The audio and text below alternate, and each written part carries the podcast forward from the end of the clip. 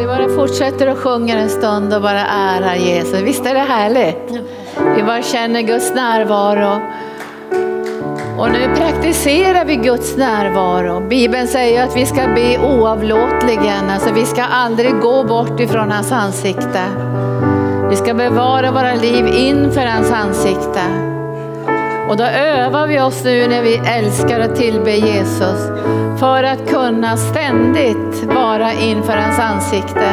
Vare sig vi är i kyrkan eller på arbetsplatsen eller bland människor så praktiserar vi Guds ständiga närvaro och då får vi tillgång till alla Guds resurser och hans härlighet och hans lösningar och hans hjälp. Tack Jesus. Och nu praktiserar vi Guds närvaro. Åh, vi älskar dig Jesus, vi älskar dig. Vi vill att du ska känna ikväll vår kärlek. När vi mättar ditt hjärta med vår kärlek så kommer du att mätta våra hjärtan. Så vi kan följa dig och tjäna dig och inte vika av på en olycksväg. Och aldrig mer gå vilse i våra hjärtan. För när vi valt att följa dig Jesus på ett djupare plan, mera överlåtet plan. Vi har känt din kärlek och vi har berörts av din nåd. Så kom ikväll och verka i våra liv. Och jag lyfter särskilt helandedagsgästerna inför dig.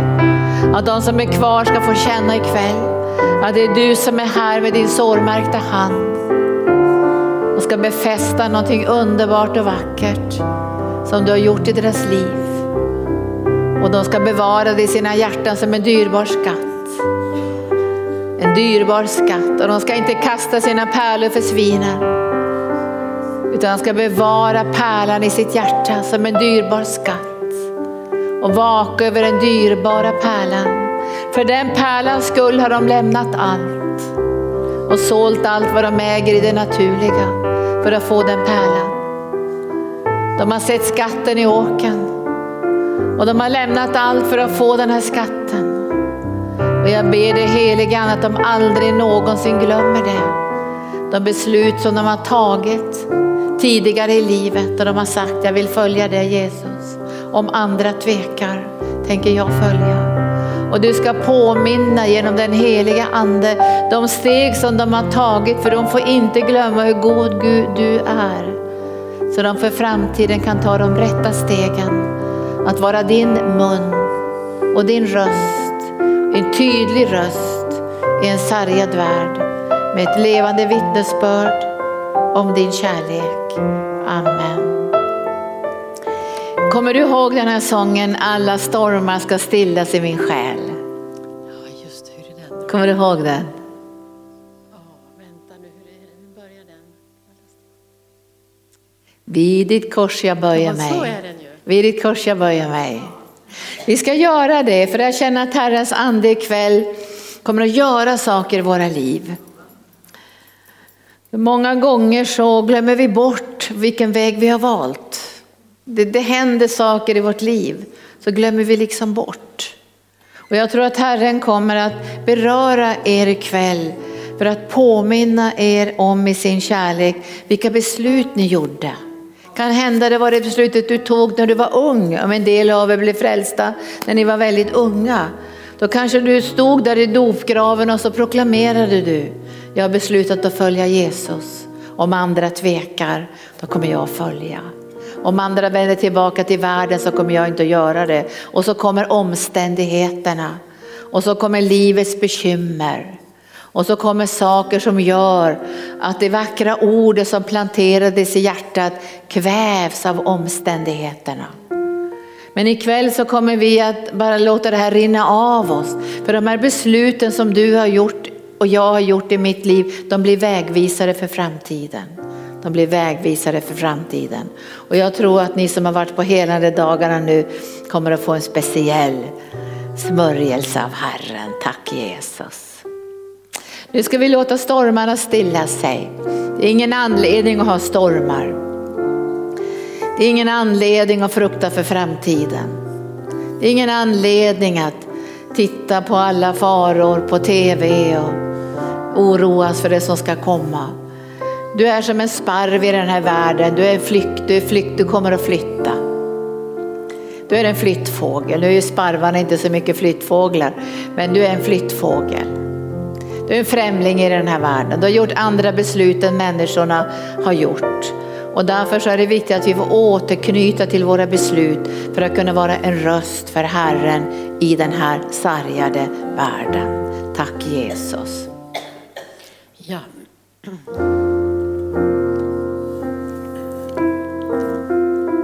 Vid ditt kors Vid ditt kors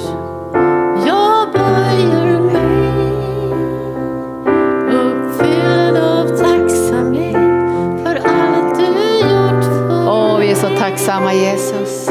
Här vid ditt kors Åh, vid ditt kors så böjer vi oss. jag böjer mig Vi böjer oss där. uppfylld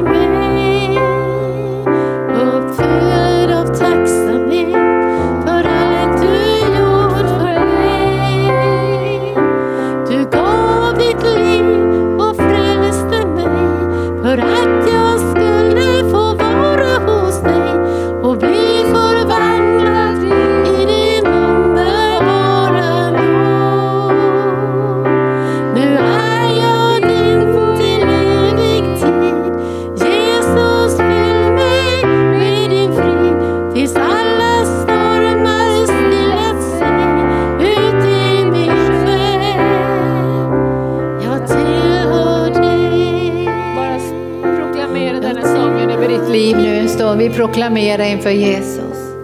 Alla stormar ska stilla sig. Så vi kan se tydligt hans ansikte. Så vi kan höra hans ord in i vårt liv. Så vi kan träda fram i den här världen med tydligt evangelium. Som inte är dolt av människomeningar. Men ett tydligt evangelium om frälsaren och hans gärning. Låt det bli stilla i våra hjärtan så vi kan stilla andra hjärtan som är fyllda med oro och bekymmer, som har så många stormar inom sig. Men stilla våra hjärtan ikväll och ge oss en djup och varaktig mötesplats med dig Jesus. Och vi bara proklamerar den här sången över våra egna liv. Alla stormar ska stilla sig.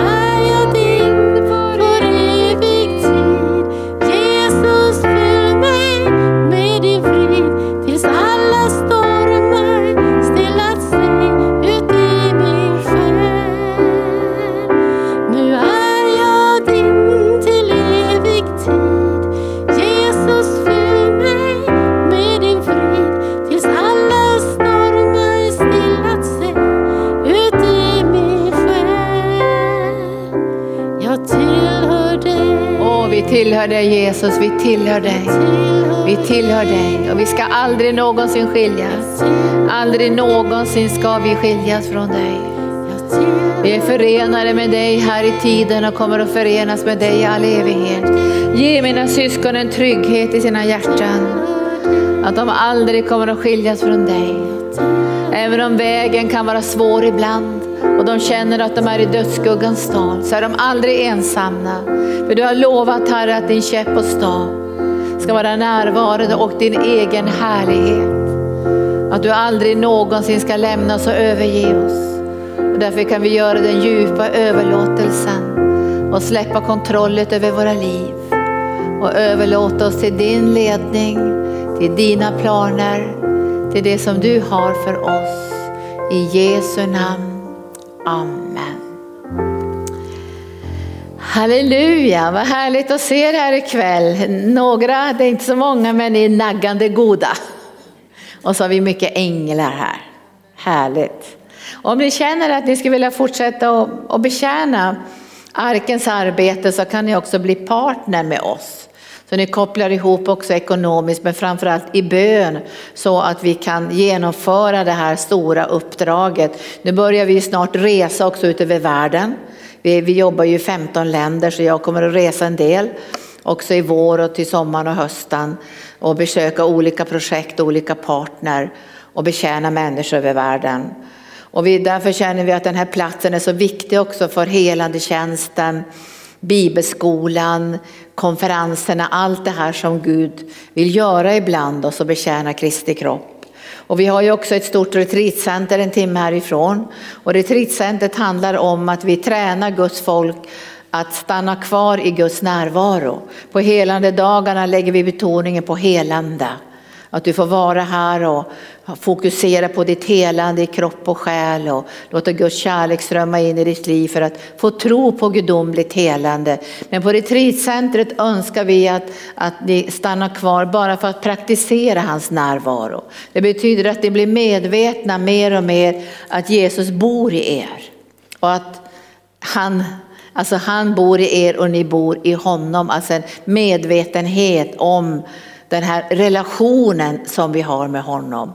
Och den relationen den, den är djupare på ett sätt än det här med helande. Och upprättelse och befrielse, det är mera frukten av hans försoningsverk. Och vi delar de här frukterna och vi går in i de här frukterna och vi blir välsignade av hans försoningsgärning. Men vi söker honom själv. Vi söker hans ansikte.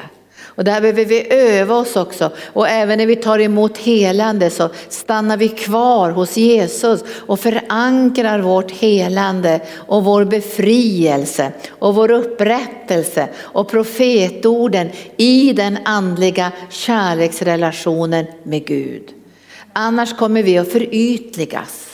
Alltså det blir en ytlig kristendom. Och den ytliga kristendomen är väldigt, väldigt farlig därför att då kommer man att falla förr eller senare. Man kanske inte faller så fruktansvärt mycket men det går inte att leva utan fokus på Jesus. För börjar man få fokus på sig själv, man får fokus på sina egna gärningar, på det man gör för Herren och det är underbart det vi gör för Herren. Men börjar vi leva av det, då blir det blir stenar som förvandlas till bröd. Och det håller inte måttet. Så därför ska vi tala om ikväll hur vi ska förankra och hur han förankrar det han har sagt till oss och det han har gjort i oss genom den heliga ande. För du kommer inte ihåg alla profetiska ord som du har fått. Jag kommer inte ens ihåg alla profetiska ord som vi har fått i arken. Ibland får jag titta på profetord från gamla tider och se vad var det Gud sa och vad var det Herren sa genom Roger Larsson när han kom hit med krukan och jag tittar på fantastiska profetord och så vet jag en sak. Att Gud vakar över de orden. Även om jag inte klarar av att vaka över de orden alla gånger, för jag kanske inte ens kommer ihåg dem, så kommer Gud att vaka över orden och så står det att de kommer inte att vända tillbaka förrän han har fullgjort allt det som han har lovat. Väcker det glädje hos dig det? Och därför har vi också genom tro och tålamod så får vi det som är utlovat. Jag ska börja läsa om den här, den här hur vi är sammanvävda med Gud. Alltså genom frälsningen sammanvävs vi med Gud. Och det här är, är en, en kraftfull väv. För det är himlens väv och den kan inte brista. Många saker som vi sammanvävs med här i livet med våra familjer och våra barn och de vi älskar. Det är vävar som inte håller. Det är bara lånta saker. När pastor Gunnar och jag gifte oss, vi har varit gifta nu i 37 år, så sa vi så här att vi har bara fått låna varandra. Den väven sitter inte ihop i evigheten. I evigheten är inte vi gifta. Då säger Bibeln att vi är så som änglarna. Så mycket av den väv som vi väver här i livet, som vi tror är stark, alltså ibland väven till en arbetsplats eller till arbetskamrater eller till sina barn eller släktingar, det, det är ingen väv som håller. Den kommer förr eller senare att gå sönder på grund av att döden finns i den här världen. Men döden är besegrad genom Jesus Kristus. Och därför ska vi titta också på det vi har fått av Gud som någonting som vi har fått till låns. Därför när vi har fått någonting till låns är vi rädda om det. Vi är rädda om det. Vi är rädda om våra relationer. Vi är rädda om det, det vi har fått från Herren av profetord och kallelse. När jag ser på mitt eget liv här i arken så vet jag att jag är bunden i anden till den här platsen. Att, och då tänker du, hur kan du vara bunden till den här platsen? Jo, därför att jag är bunden till de profetiska orden som är talade in i den här platsen. Och det är dyrbart för mig. Det är ingenting som jag säljer för en linssoppa. Jag har sett ibland människor som har fått fantastiska gåvor och utrustningar men det blev de sålde det för en linssoppa. De såg inte hur värdefullt det var som de fått ifrån Gud. Kommer ni ihåg den här brodern i Bibeln?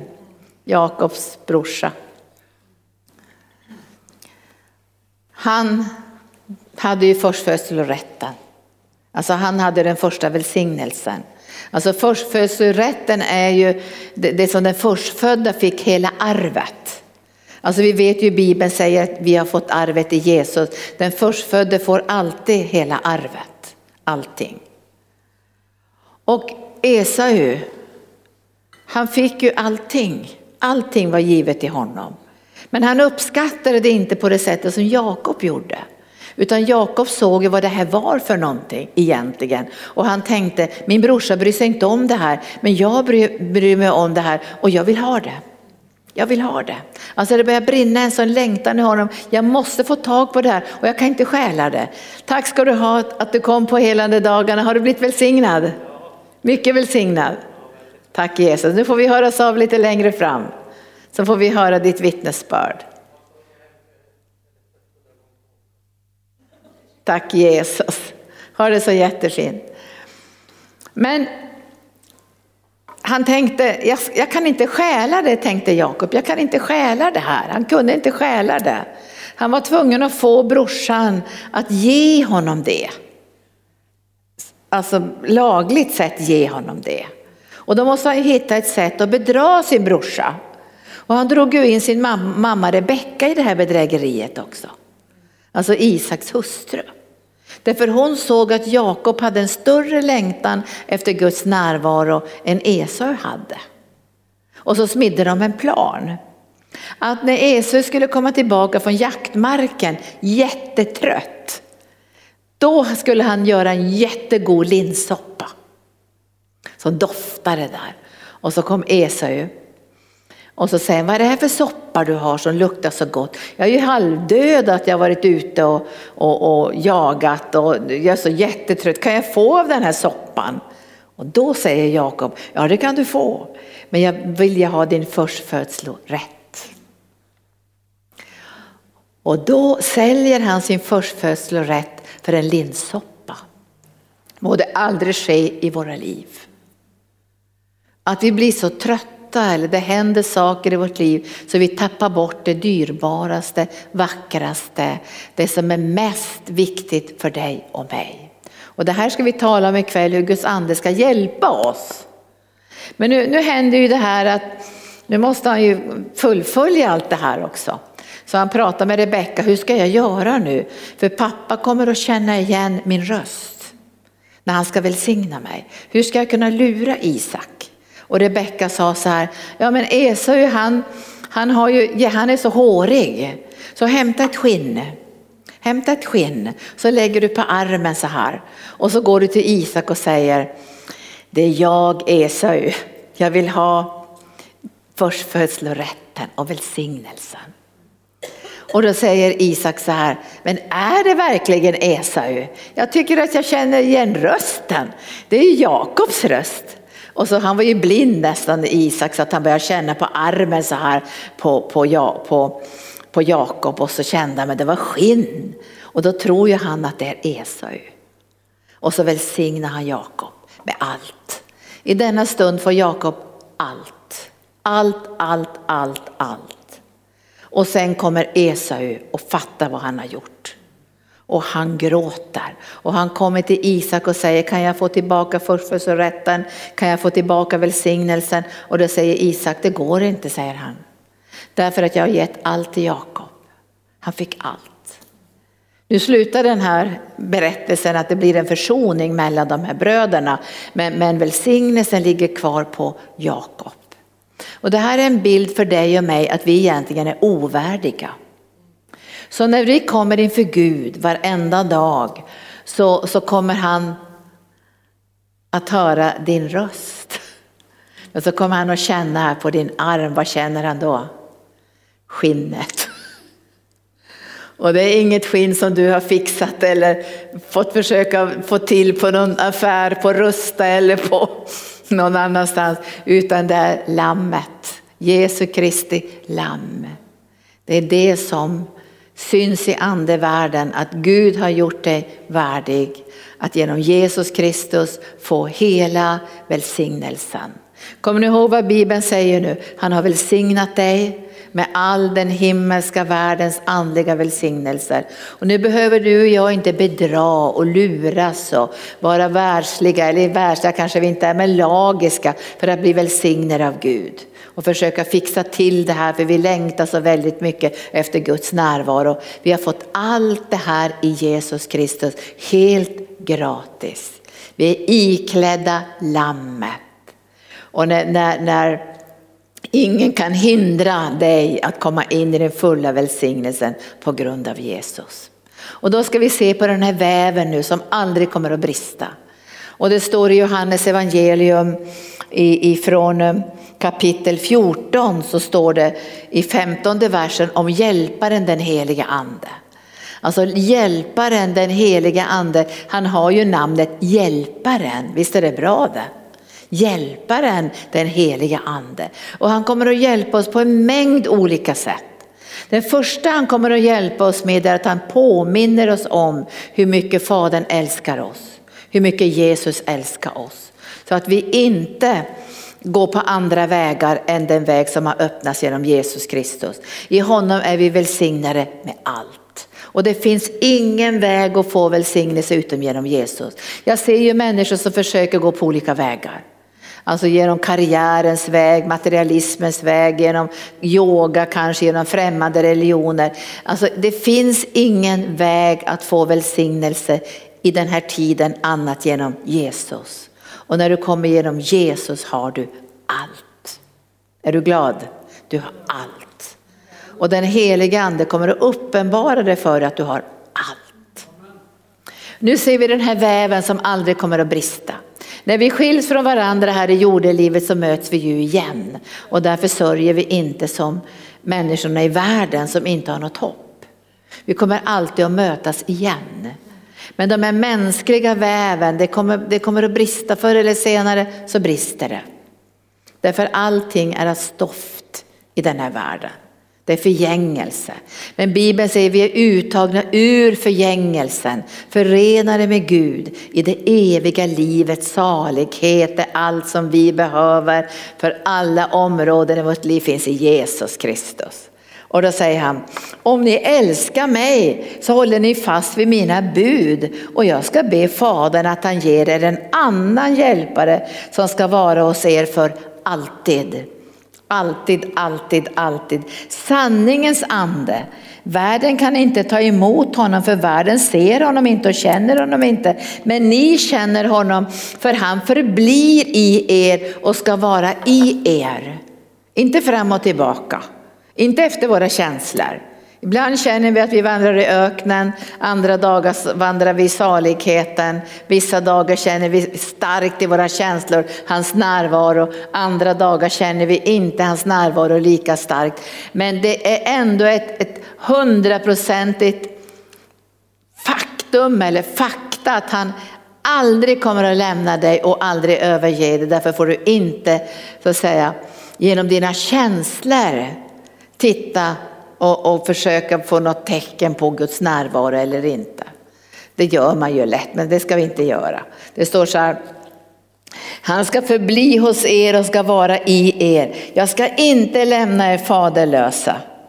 Jag ska komma till er. Jag ska inte lämna er faderlösa. Jag ska komma till er. Alltså här berättar Jesus det mest fantastiska som du och jag många gånger glömmer bort. Att genom den heliga ande vänder Jesus tillbaka och flyttar in i våra hjärtan genom den helige ande.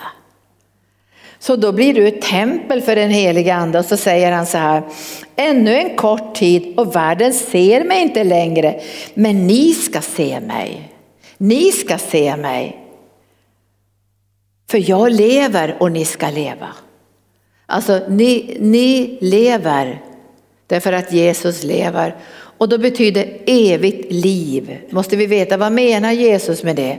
Han menar att alla våra behov blir mötta genom den andliga kärleksrelationen.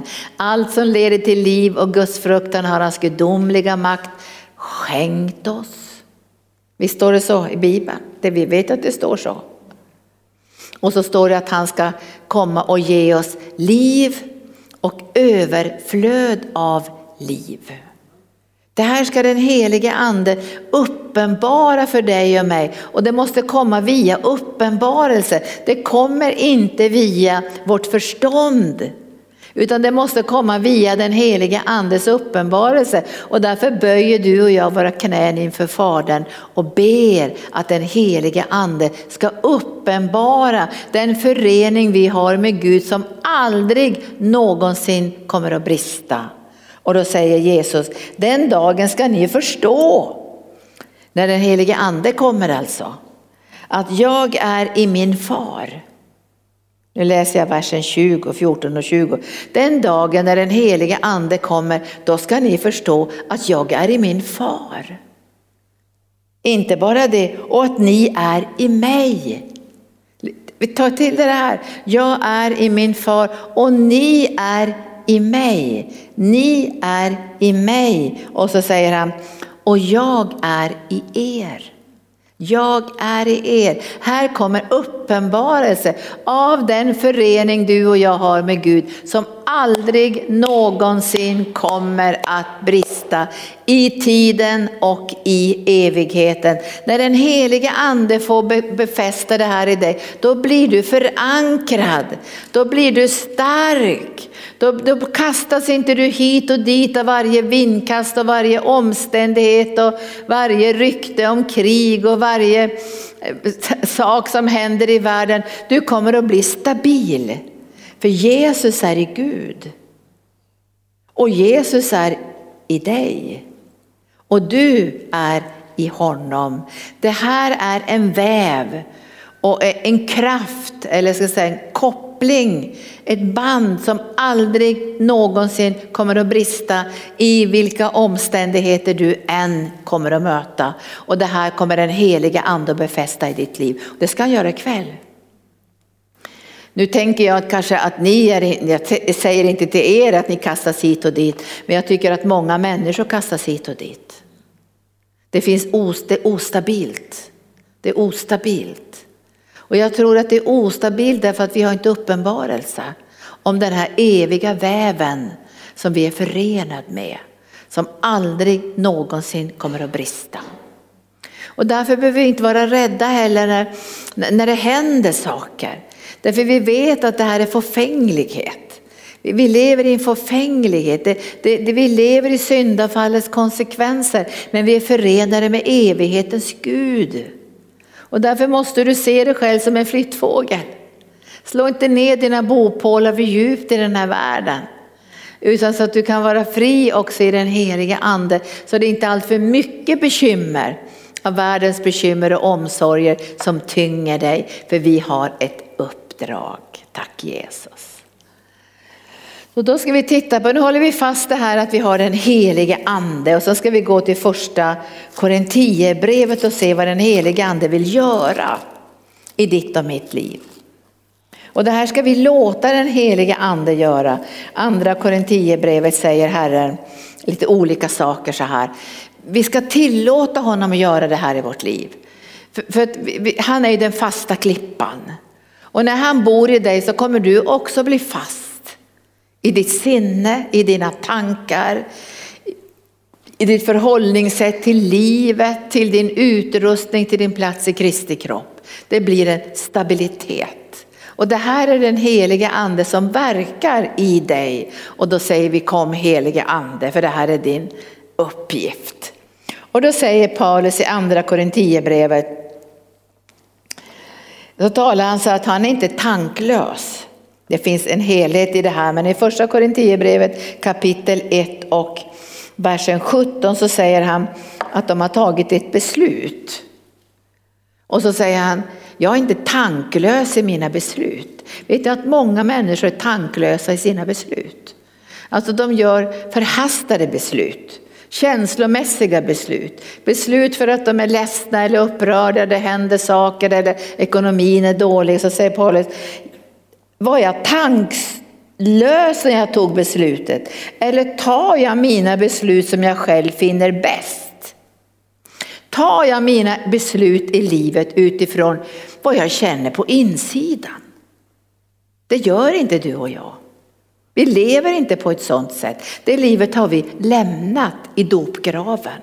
Där Bibeln talar var och en går sin egen väg. Och Paulus han säger så här, men så här tar inte jag mina beslut så att det är ja och ja och nej och nej. Alltså det vacklar. Ja och ja och nej och nej, det vacklar. Fram och tillbaka, fram och tillbaka. Och Bibeln säger ju, då blir du som en våg som kastas hit och dit och du har svårt att få någonting från himlen. För du blir inte så stabil så du hinner ta emot det. Du måste ju vara något sånär stabil för att kunna ta emot någonting. Och kastas man hit och dit och fram och tillbaka så hinner knappt den helige ande efter dig. Eller hur? För när han tänker välsigna dig då är du borta från något annat och fått något ryck hit och dit. Men jag säger ikväll den helige ande ska göra dig stabil. Och du ska vara en landningsplats för Guds välsignelser. Visst gillar du det här? Landningsplats för Guds välsignelser. Och då säger Paulus, men jag är inte så här att jag tar mina beslut för det jag finner bäst. Som jag tycker är bäst. Jag kan ju tycka saker är bäst om jag tänker på mitt eget liv. Men jag kan inte bara tänka på vad som är bäst för mig. Jag måste ju tänka vad, vad vill Jesus göra? Vad har han för tankar? Vad är hans vilja? För om Paulus hade tänkt vad är bäst för mig, då hade han väl aldrig åkt upp till Jerusalem och blev förföljd där. Eller hur? Då hade han ju sagt, det här har inte jag lust med. Men han säger, mina beslut är inte så förvirrade så det är ja ena dagen och nej andra dagen. Han säger, nej, så sant Gud är trofast så är vårt budskap till er inte både ja och nej. Vårt budskap säger Paulus, det är inte ja och nej, det blandas inte så här. Så Gud ena dagen säger jag vill hela dig och andra dagen säger han det vill jag inte. Nej men det är inte så. Det här kan vi ju känna i vårt hjärta, eller hur? Det vacklar. Det, det liksom vacklar på insidan och därför måste vi låta den heliga ande stabilisera så vi vet vad är ja och vad är nej. Vad är det du och jag ska ta emot och vad ska vi avvisa? Jag avvisar fördömelse. Jag avvisar anklagelser. Jag avvisar sjukdomar. Jag avvisar mörkrets makter. Jag avvisar lögner, jag avvisar förtal, jag avvisar allt sånt som jag vet sårar min frälsarkonung. För det viktigaste för mig i mitt liv är att få ära Jesus. Och skulle jag göra saker som inte behagar Gud, då vill jag att den helige ande ska hjälpa mig att se det så jag kan göra bättring. Visst är det bra det? För när den helige ande kommer och, och, du får göra bättring så blir det inte anklagelse, fördömelse och hårda ord. För när den helige ande kommer blir det på ett helt annat sätt. Du bara får en längtan, bara en längtan. Jag vill följa Jesus, jag vill älska Jesus, jag vill lägga hela mitt liv på altarplatsen. Och så säger Paulus så här, att Guds son Jesus Kristus som vi har predikat hos er.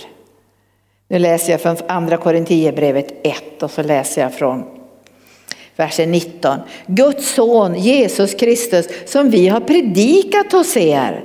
Jag och Silvanus och Timoteus också. Han kom inte både som ja och nej. Tryck gärna under. Han kom inte som både ja och nej. I honom har det bara kommit ett ja. Alltså det här måste den heliga ande uppenbara, annars kommer vi att bli instabila. Därför omständigheterna är inte så särskilt roliga när man predikar att Jesus helar alla och så är det någon som dör i församlingen. Det är en skakning. Eller man predikar att Gud är god och så skakar hela, hela Ukraina av ondskan. Då behöver du och jag veta vem Gud är och vad som kommer via Gud. Och de som är i Ukraina och de som är i nöd och de som har gått genom dödsskuggans dal, de måste veta att från Guds sida kommer det bara ett ja.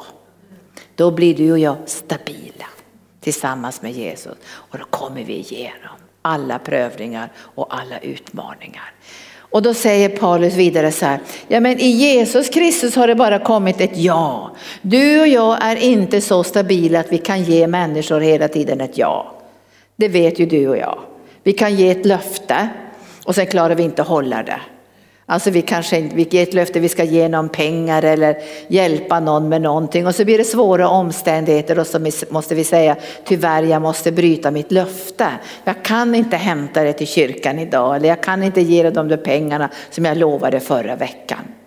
Men hos Gud, hos Jesus finns det ingenting annat än ett ja. Bara goda gåvor och fullkomliga skänker. Var kommer de ifrån? Ovanifrån. Från den här föreningen som du har med Gud. Jesus är i Fadern. Jesus är i dig. Och du är i Jesus. Sammanvävda, sammanförenade. Och därför kommer den helige ande att befästa jaet. Ikväll ska han befästa det här jaet i ditt liv. Vad säger han vidare? I honom har det bara kommit ett ja, för alla Guds löften har i honom, i Jesus fått sitt ja. Därför får de också genom honom sitt amen. Och amen betyder låt det ske som Gud har sagt i sitt ja. Det är därför vi tror på helande här. Därför att Gud har gett sitt ja. Och därför vet vi också att Gud säger låt det ske. Låt den helige ande verka så att det som han har lovat bryter igenom. Därför ger vi aldrig upp. För vi hör med ett ja och ett amen. Och då står det så här förunderligt i den här, i den här raden i Bibeln så står det för att Gud ska bli ärad genom oss. Det står inte att Gud ska bli ärad genom Jesus, det är han redan. Alltså Gud är redan ärad genom Jesus, genom korset, men nu vill han bli ärad genom dig och mig. Och hur blir Jesus ärad genom dig och mig? Vi låter hans helige andes helande kraft finnas kvar i våra liv så Gud kan fullfölja det som han har lovat. Vi vacklar inte fram och tillbaka utan vi stannar kvar i det här stora jaet så att det kan få ett amen. Det bryter igenom, Guds kraft verkar, det går från härlighet till härlighet. Det blir mer och mer manifesterat det som Gud har sagt och lovat. Så nu befäster han det här jaet och så står det, det är Gud som befäster er. Läs det här nu, vers 21. Det är Gud som befäster oss och er i Kristus. Det är Gud som befäster dig. Så när den helige ande verkar nu så befäster den helige ande dig i Jesus. För att du ska fortsätta att höra detta djupa jag inom dig. Så den helige ande befäster dig. Och när vi lägger händerna på dig ikväll så är det en befästelse. Gud befäster dig. Du kommer att bli stabil. Du kommer att bli förankrad. Du kommer att känna, jag, jag viker inte av till höger eller vänster, jag har blicken på Jesus. Jag praktiserar hans närvaro. Jag känner honom som har sagt himmelens ja in i min ande och jag böjer mig inte under djävulens lögner och attacker och, och främlingskap och, och, och fördömelse som kommer emot mig. För jag hör genom Jesus Kristus de djupaste ropen genom den heliga ande hans ja i Jesus Kristus. I Jesus Kristus finns ett ja för dig. Det är ett ja för dig i Jesus Kristus. Och då behöver du veta vad är det för ja till då? Vad säger han ja till?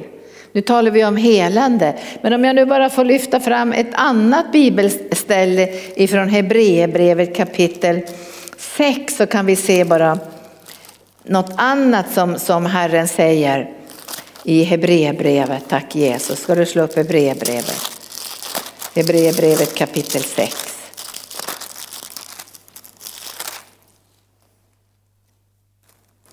Och versen 13. När Gud gav löftet till Abraham svor han vid sig själv eftersom han inte hade något högre att svära vid. Han sa, jag ska rikligen välsigna dig och rikligt föröka dig. Det är det han har sagt ja till. Han ska rikligen välsigna dig och rikligen föröka dig. Och Bibeln säger att den här välsignelsen kom först till Abraham för att vi genom den helige ande ska få del av Abrahams välsignelse. Han ska rikligen välsigna dig. Han ska föröka dig. Det betyder att ditt liv kommer att få betydelse. Du ska inte dö spårlöst. Vi pratade här om dagen att det vore det mest fruktansvärda att vi dör spårlöst. Att det inte finns ett enda tecken på att du och jag har levt i den här världen. Alltså vi ska inte dö spårlöst utan han ska rikligen föröka dig. Genom dig ska människor i mängder bli frälsta. Människor ska bli helade och upprättade. Du ska vara med och bygga Guds rike. Ditt liv ska få spår efter sig därför att han ska rikligen föröka dig. Så det som Gud har lagt i ditt liv, det är det som han ska föröka. Alltså den gåva Gud har lagt i ditt liv, det uppdrag han har lagt i ditt liv, det är det som du ska vaka över, för det är det som han ska föröka. Så alltså, det är det som ska växa genom dig. Så har du en evangelistkallelse så är det genom dig som tusentals människor kommer att bli frälsta. Har du en kallelse kanske att vittna eller undervisa eller något så är det genom den tjänsten som du kommer att föröka dig. Är det så att du har lovsångstjänsten så kommer du att få föröka människors kärlek till Gud. Men Gud ska föröka dig. Du ska inte tänka att ja, men jag lever här ensam i världen, jag har ingen betydelse och när jag dör så är det ett spår möjligen av en snigel efter mig. Har ni sett snigelspåren? Det är bara slem. Fy!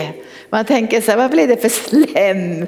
Alltså den där gjorde väl ingenting, det var bara mörker kring den här personen, så arg gubbe liksom. Fy så hemskt.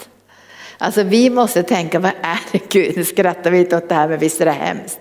Alltså jag, jag har jobbat mycket som diakonissa och mött många äldre och varit mycket på sådana här gamla vårdhem och demensboenden och ålderdomshem och det är tragiskt att möta äldre som bara sitter och svär. Alltså man tänker, hur har de här människorna levt? Vad är det de har förökat för någonting? Är det förtalet de har förökat? Är det elaka orden de har förökat? Är det bara själviskheten de har förökat? Men här står det att han ska välsigna dig och föröka dig så ditt liv kommer att få betydelse. Och då måste du tänka rätt. Du måste tänka rätt. Du måste tänka rätt. Jag är välsignad och jag är väl rikligen välsignad och han ska föröka mig och mitt liv ska få betydelse. Tack Jesus. Jag hade en sån härlig grej när jag, jag var i stan och skulle göra ett ärende in i Stockholm. Sällan jag möter någon som jag känner i Stockholm. Och då stoppade en kvinna mig på gatan. Och så sa han så här, det är Linda Bergling, sa jag. Ja, det är jag. Och så sa så här, ja men du har förvandlat mitt liv. Och då berättade hon det som jag tyckte var en bagatell. Men jag kanske hade ändå fått välsigna henne ännu mer, men det där tyckte jag var mer en bagatell. Men då man, måste man tänka att de här små sakerna kanske förvandlar människors liv. Och den här kvinnan hade haft jättedålig ekonomi.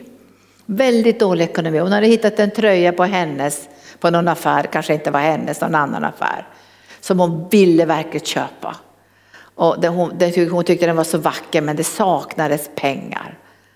Och hon försökte få expediten att lägga undan den och så gick, åkte hon ut på stan för att hitta en kompis och för att låna 20 spänn eller 50 spänn eller vad det var. Och hon fick inte det. Hon kom tillbaka till affären och försökte övertala expediten att lägga undan den till dagen därpå. Men då kände hon, att jag måste gå och prova den i provrummet igen. Och då stod jag i provrummet bredvid. Det var konstigt va? Och då hörde jag den där, verkar jag ha hört det där fast det kommer jag inte ihåg. Jag måste ha hört hennes konversation med den där äh, expediten. Så då tog jag, hade kastat över en hundralapp till henne så det dinglade ner en hundralapp i hennes provhytt. Jag tyckte det där var så roligt. Alltså. Jag, jag kände mig så tacksam. Jag tänkte, det är de små sakerna kanske. En dag när du står inför Guds tron tänker du, vad gjorde jag för stora saker, för häftiga genombrott? Och så kanske någon kommer och säger, du låg, du låg mot mig när jag kände att jag ville ta livet av mig. Det kommer du inte ihåg. Eller att du uppmuntrade någon. Det kommer inte du ihåg, men himlen kommer ihåg det. Himlen kommer ihåg det. Därför behöver du proklamera varje dag, jag, jag ska föröka mig. Jag ska, jag ska bli rikligen välsignad. För då kan du ju föröka dig, för då har du fått mycket att ge. Så det här är något som vi ska proklamera. Det här ska vi befästa ikväll, för det här är i Guds ja till dig.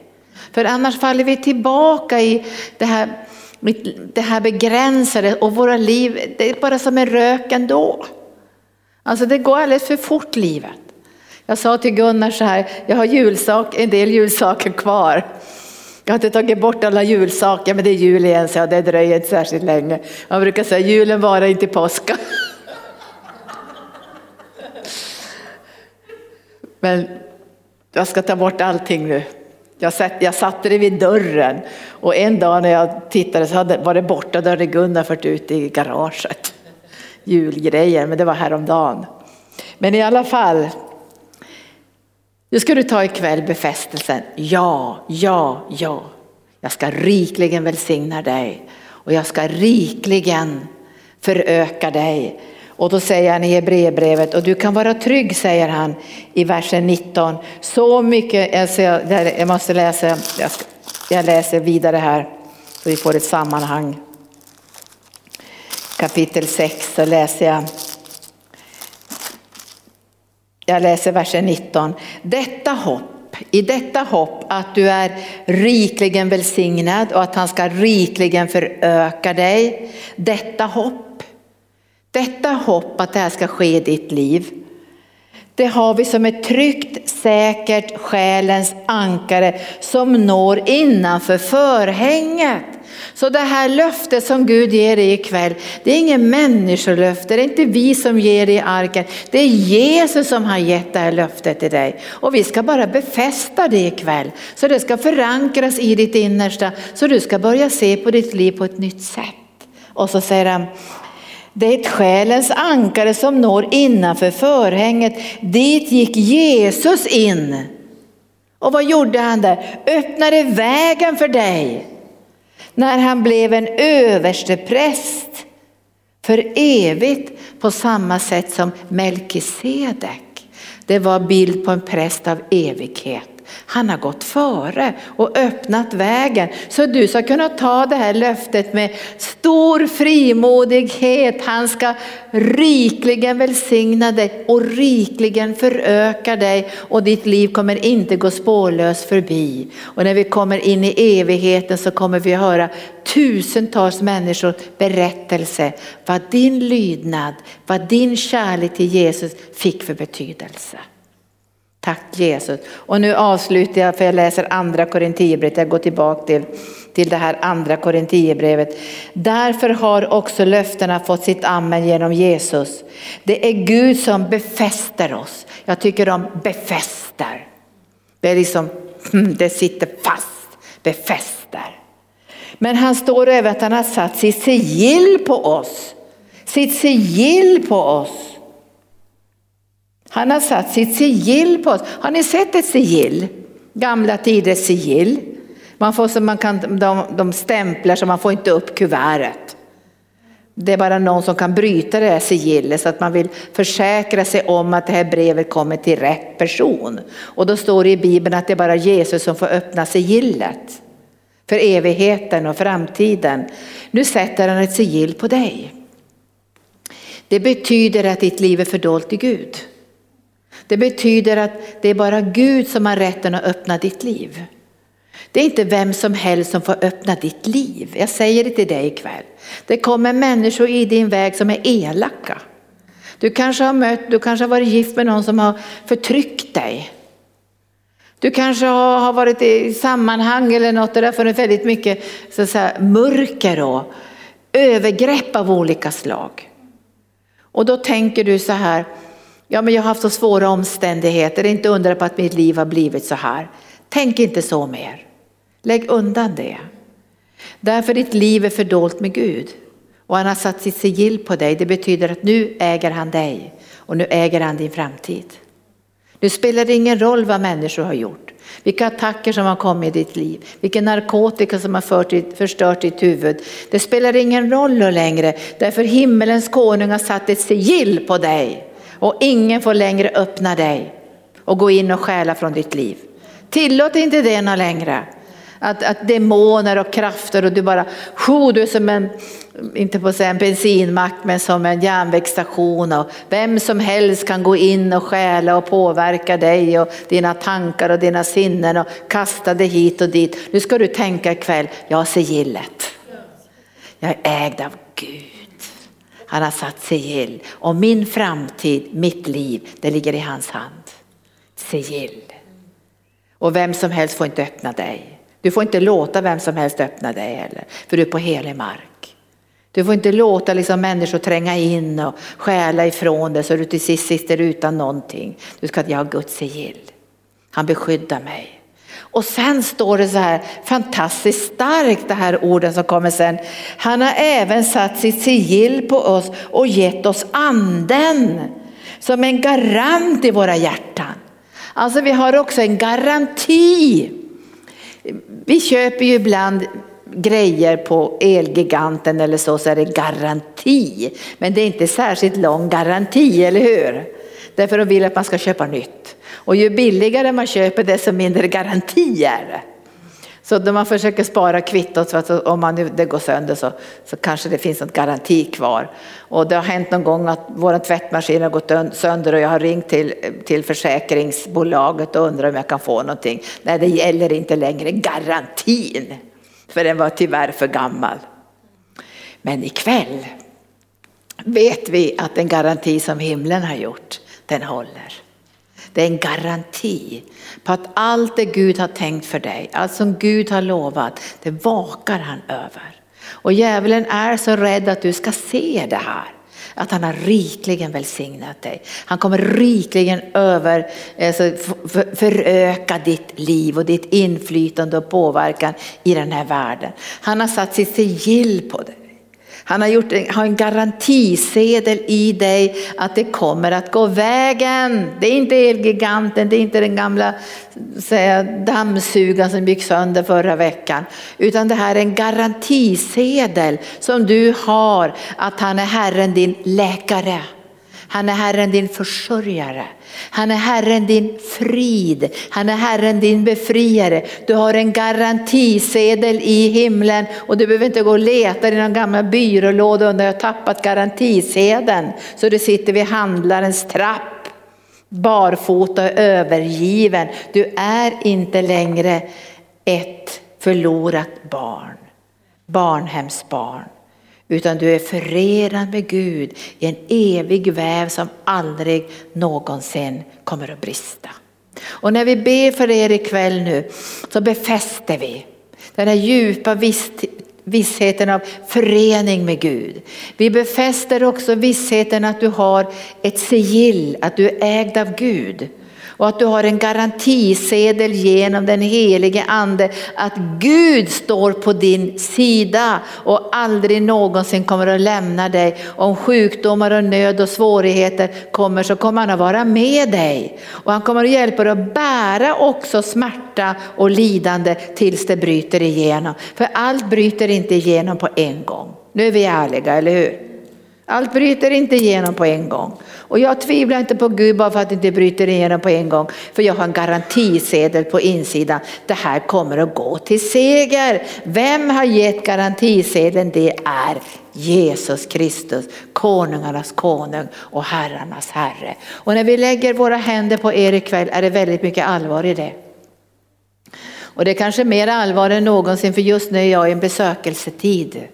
Det, kommer och går genom åren, besökelsetiderna. Och nu är jag i en besökelsetid. Det betyder att Herren uppenbarar sig för mig på ett djupare plan. Och då känner jag ett mycket, mycket större allvar också när jag lägger händerna på er. Att nu står vi på helig mark och det är änglar överallt. Det är han som är här. Och när han befäster saker i ett liv så, jag vet inte vad han kommer att göra, han kanske befäster tidiga profetier befäster tron på helande. Han kanske befäster kallelsen, han kanske befäster, det finns alla olika saker som han kommer att göra som inte vi känner till. Men det kommer åtminstone skapa stabilitet genom handpåläggningen. Så att ni kommer att stå fasta, mer och mer fasta, mer och mer fasta. Men jag känner nu, nu när jag gör handpåläggning ikväll så känner jag, jag har en vördnad inför Herren i och med att jag har besökelsetid så, så, så mitt, mitt liv liksom på ett lite annat sätt. Alltså det är som att jag måste vara i bön mycket, mycket, mycket, mycket längre tid. Jag måste vara i bön hela tiden. Jag måste söka hans ansikte. Jag måste ge mitt gensvar till Herren. Och kan ändå du också få en besökelsetid? Men det var länge sedan jag hade en besökelse, det är flera år sedan. Men så kommer det. Och det är dyrbart när vi får besökelsetid. Och därför är jag så jätteglad över vårt retreatcenter. Att vi kan hjälpa er alla att praktisera Guds närvaro. För inför hans ansikte är glädje till fyllest, ljuvlighet på hans högra sida är vinnerligen. Så Birgitta, nu tar vi och sjunger. Visst kan du den sången Vi står på helig mark? Du får ta vilken sång du vill, det går bra vilken sång. Ta, ta, ta vad du har i ditt hjärta, tack Jesus. Men vi tar det här på största, största, största allvar. Nu kommer vi in för Herren. Och nu gör han någonting i ditt liv som kommer att kanske förändra din framtid. Jag vet att när det blir en besökelsetid så vet jag att, att det kommer att bli välsignelse för arken också, för alla våra vänner utöver världen. För att när Gud fördjupar mig så, så väcks det också kanske en längtan hos andra att få ett djupare andligt liv. Men visst är det vår längtan. Vi vill inte vara i den här ytligheten. Utan vi har en väldig längtan efter att få fördjupa vår kärlek till Herren. Det finns så mycket ytlighet och ibland känner man gode Gud, ska man stå ut i den här världen med all ytlighet? Men vi kan träna oss att vara inför Guds ansikte. Även där det är ytliga miljöer och mycket synd och så här så kan du och jag stå inför Herrens ansikte i helighet och i renhet och avskildhet. Tack Jesus. Kom helige Ande ikväll med befästelsens smörjelse. Befästelsens smörjelse. Och jag vet här att du är här ikväll. Och vi har en sån längtan Gud, sån längtan i våra hjärtan att komma bort från all ytlighet. Allt begränsat och allt surr, all smuts, allt som finns i den här världen. Vi vill att du ska befästa oss Herre så vi kan känna att vi har en helig kallelse. Att vi är rikligen välsignade. Att du ska rikligen föröka oss. Att vi ska inte leva begränsat varken som individer eller församling. Utan du ska föröka oss. Det ligger i ditt hjärta att föröka oss. Så jag ber att var och en som är här i den här kvällen ska få föröka sig. De ska få föra fler till tro. De ska få välsigna människor. De ska få sammanföra dem med dig Jesus. De ska få lägga sina händer på de sjuka och de ska bli friska för du ska föröka dem. De ska inte längre gå barnlösa i den här världen för du ska ge den som inte är gift ännu fler barn har du sagt. Vi ska få andliga barn och vi ska föröka oss. Och jag ber dig heliga ande att du befäster orden i vårt hjärta den här kvällen. Kom heliga ande kom helige ande, kom helige ande. Och nu låter vi kärleksmörjelsen bara flöda genom oss. Och sen ska ni få komma fram och så ska vi lägga händerna på er. Och så ska vi befästa det som Herren har gjort i era liv. Det Herren gör i era liv. Och det Herren önskar att göra för er framtid. För sigillet, han äger er och ingen får öppna sigillet utom Herren själv. Inga demoner, inga krafter i den här världen ska förstöra det som du har lagt i våra hjärtan. Kom helige Ande, kom helige Ande. Tack Jesus. Varsågoda och kom fram och bara ställ er inför Guds ansikte. Låt oss prisa.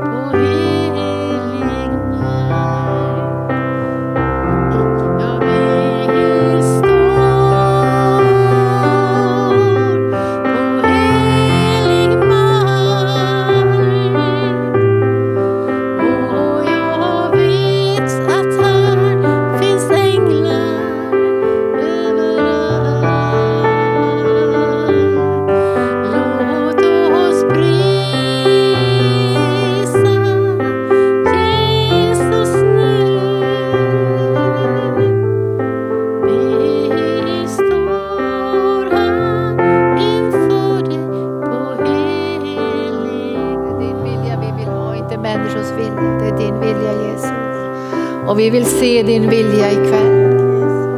För det sammanhang också som du har kallat oss till. Den församling som vi tillhör. Vill vi se hur vi ska sammanfogas. Hur vårt liv ska få betydelse för evigheten. Så kom nu helige underbara ljuvliga Ande. Och så befäster du. Befäster det du har gjort i syskonens liv. Befäster deras nu och deras framtid. Profetorden, helande, uppdrag, kärleken. Bara befäst heliga Ande. Bara befäst,